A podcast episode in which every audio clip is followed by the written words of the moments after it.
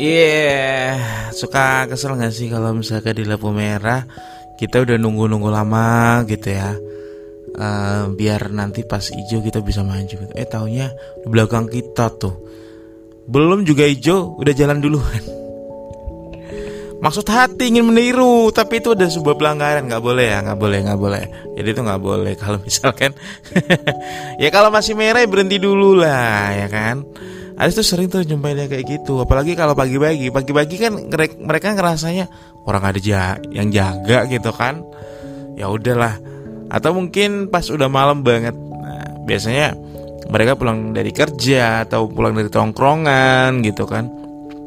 Uh, menurut tadi sih mendingan mendingan ya berangkat lebih awal biar nggak terburu-buru kayak gitu.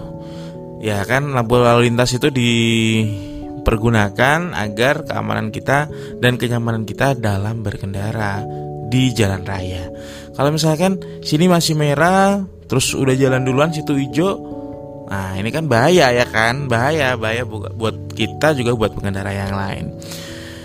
Terus juga kadang ini, kadang suka kesel juga uh, misalkan kita kan nggak minta yang paling depan ya beda lagi kalau ada babak kualifikasi gitu beda lagi ya. MotoGP kualifikasi ntar yang paling depan siapa? Uh, Rossi apa Marquez gitu kan? Ya ada ada babak kualifikasi jadi ntar yang paling depan siapa gitu. Udah ketahuan gitu. Tapi kan kalau di lampu merah nih kita kan nggak nggak tahu dan tidak akan menempatkan diri kita. Oke okay, saya yang paling depan saya paling belakang nggak kayak gitu.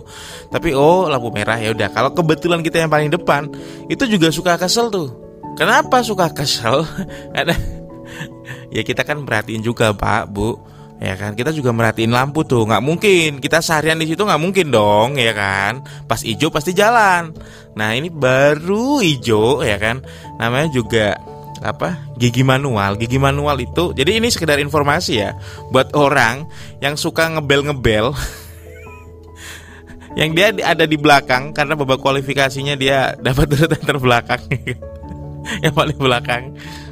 Pas hijau ngebel ngebel duluan gitu. Seakan-akan kita nggak mau maju gitu. Padahal kalau misalkan kita pakai gigi manual nih ya kan kalau naik mobil gigi manual itu injek kopling masukin persneleng Terus kemudian lepas rem tangan baru kita bisa ngegas.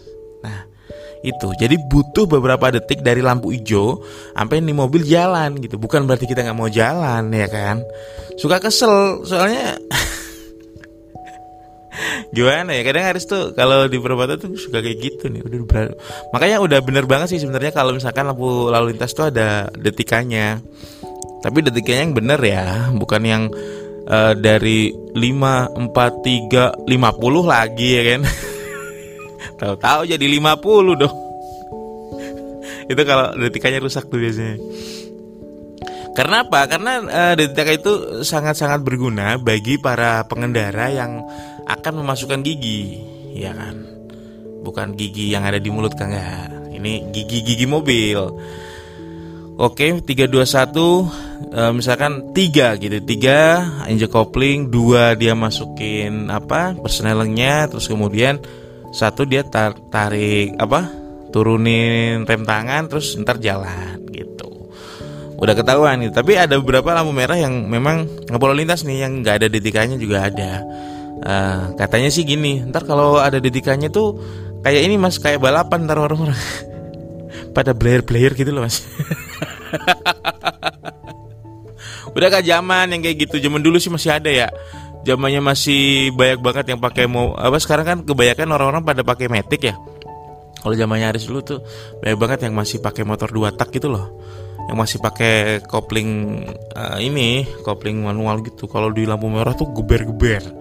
Katanya ketika ditanya kenapa kok digeber-geber? Iya kalau motor cowok tuh kayak gitu. Harus digeber-geber. Kalau nggak gitu ntar bensinnya nggak mau turun gitu apa hubungannya geber-geber sama bensin nggak mau turun? Ya kan situ motornya udah nyala. Beda lagi kalau misalkan gasnya diturunin. Kan ada setelan gas tuh. Nah itu diturunin beda lagi. Nah mungkin mungkin ya mungkin ya. Ide buat naruh boneka Squid Game di lampu lalu lintas itu. Itu bagus kali ya buat takut takutin para pengendara. Oh, iya kan? Ya selain uh, jadi mungkin uh, kayak semacam semacam pameran instalasi gitu. Ada boneka Squid Game di perempatan lalu lintas gitu. Nah mungkin juga bisa nakut-nakutin pengendara juga bisa jadi bisa jadi. Sekedar informasi yang nggak tahu Squid Game itu apaan. Squid Game tuh uh, salah satu serial gitu di Netflix. Terus kemudian isinya salah satunya kalau orang nggak bisa lolos di game itu uh, ntar ditembak gitu ditembak dari jauh Nah, salah satu gamenya itu nampilin uh, permainan lampu merah, lampu hijau, ya kan? Lampu merah, lampu hijau yang di mana ini adalah permainan khas sana. Dan biasanya uh, yang ditampilkan itu biasanya itu orang, biasanya orang. Nah ini dia pakai kayak semacam boneka dan boneka itu jadi viral banget. Dan netizen Indonesia berharap kalau si boneka itu tadi bisa ditaruh di perempatan lampu merah. Kebayang dong ya kan kalau misalkan ada yang belum lampu merah nih udah pada jalan gitu. Di shotgun dari waduh dari jauh ya. dan uh, beberapa ada yang bikin meme-nya juga di sosial media gitu ditaruh.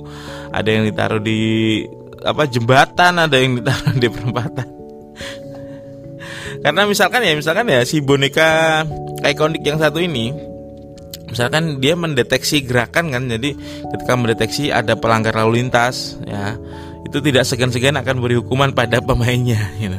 anggap aja itu pelanggar lalu lintas jadi orang nggak sembarangan gitu kalau mau lewat mau nyelonong lampu merah kayak gitu-gitu nah terus kemudian uh, tapi sayangnya nih ya sayangnya si Squid Game sendiri ini menyebabkan lonjakan lalu lintas di dunia cyber jadi di dunia internet itu jadi ada lalu lintas yang terlalu kenceng gitu kan.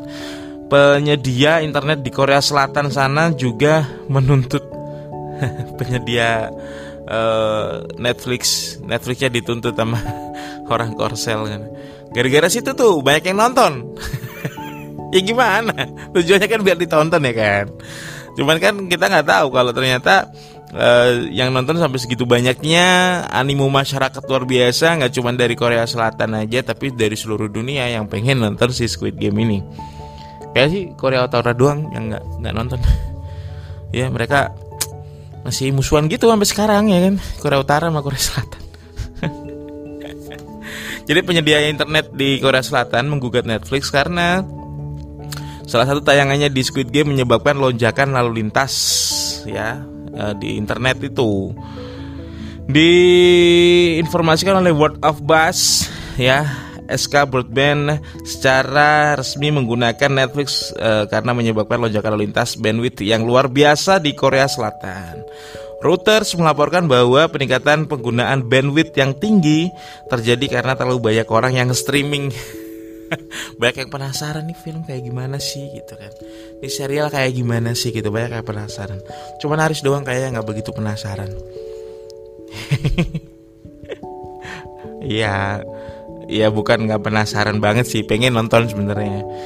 Cuman ya nggak tahu, belum sempet aja kayaknya. Jadi SK Broadband saat ini sedang mengejar keputusan pengadilan agar Netflix membayar biaya pekerjaan pemeliharaan. Karena bandwidthnya keba banyak kepake. Kalau di Indonesia mah seneng ya kan, rame gitu kan, duitnya makin numpuk. Ini enggak. Netflix mencatat 1,2 triliun bit data per detik per semester.